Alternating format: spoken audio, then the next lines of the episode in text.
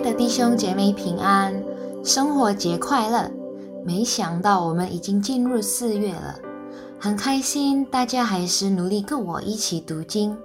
今天的门徒灵修取自于读经运动，我们要一起读《路加福音》第二十四章一到十二节。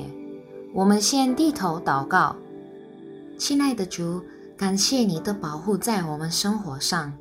现在我们再来你的面前，一起审视你的话。求主将圣经中的真理赐给我们，求你赐给我们更多的聪明智慧，使我们都能够明白你的话语和真理。奉主耶稣基督的名祷告，阿门。基督复活了。首先，听闻基督复活的是妇女们。这是引人注意的饶有趣味的事。在那重男轻女的时代，妇女们的见证不太为人信服，常被束缚。然而，正是妇女们向他人听闻并见证了基督的复活。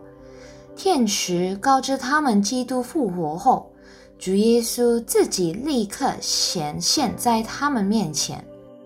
根据约翰福音的记载，主耶稣只在摩大拉的玛利亚一人面前显现。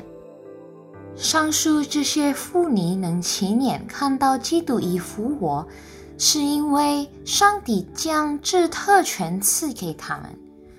这让我们想起，上帝也曾将听闻关于耶稣基督降生的信息的特权。赐给平凡的牧羊人，由此可知，在人看为毫不起眼的身份低下的牧羊人和女性，在上帝却看为宝贵。本日经文所述妇女们，都是在不为人知的情况下，诚心实意的服侍基督的。他们信靠传给他们的上帝圣言。与此相反，长期以来追随主耶稣的门徒们，亲耳听了耶稣基督的教导，亲眼看了耶稣基督的作为，却不信。虽然他们与耶稣基督共同服侍，但亲眼目睹以前，却不肯信基督的复活。这岂不是一个极大的讽刺？在上帝的帮助下，首先传给妇女们的耶稣基督复活的信息成为一个确据，揭穿了祭司长和犹太长老散布的流言。他们贿赂守墓的兵丁，到处说耶稣基督的遗体被门徒们偷走了，但这谎言不堪一击。因妇女们不仅看见墓穴里空空如也，甚至还见到了复活的基督。您是否已确信基督已实实在在的从死里复活？我们一起低头祷告：主啊，虽然我们没有看到你从死里复活的时候，但是我们有信心你已经战胜死亡。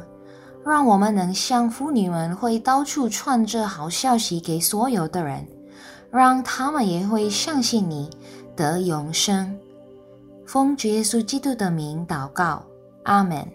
弟兄姐妹，我们一起努力，每天能够越来越像耶稣。祝你们身体健康，每天快快乐乐的。主耶稣与你们同在，再见。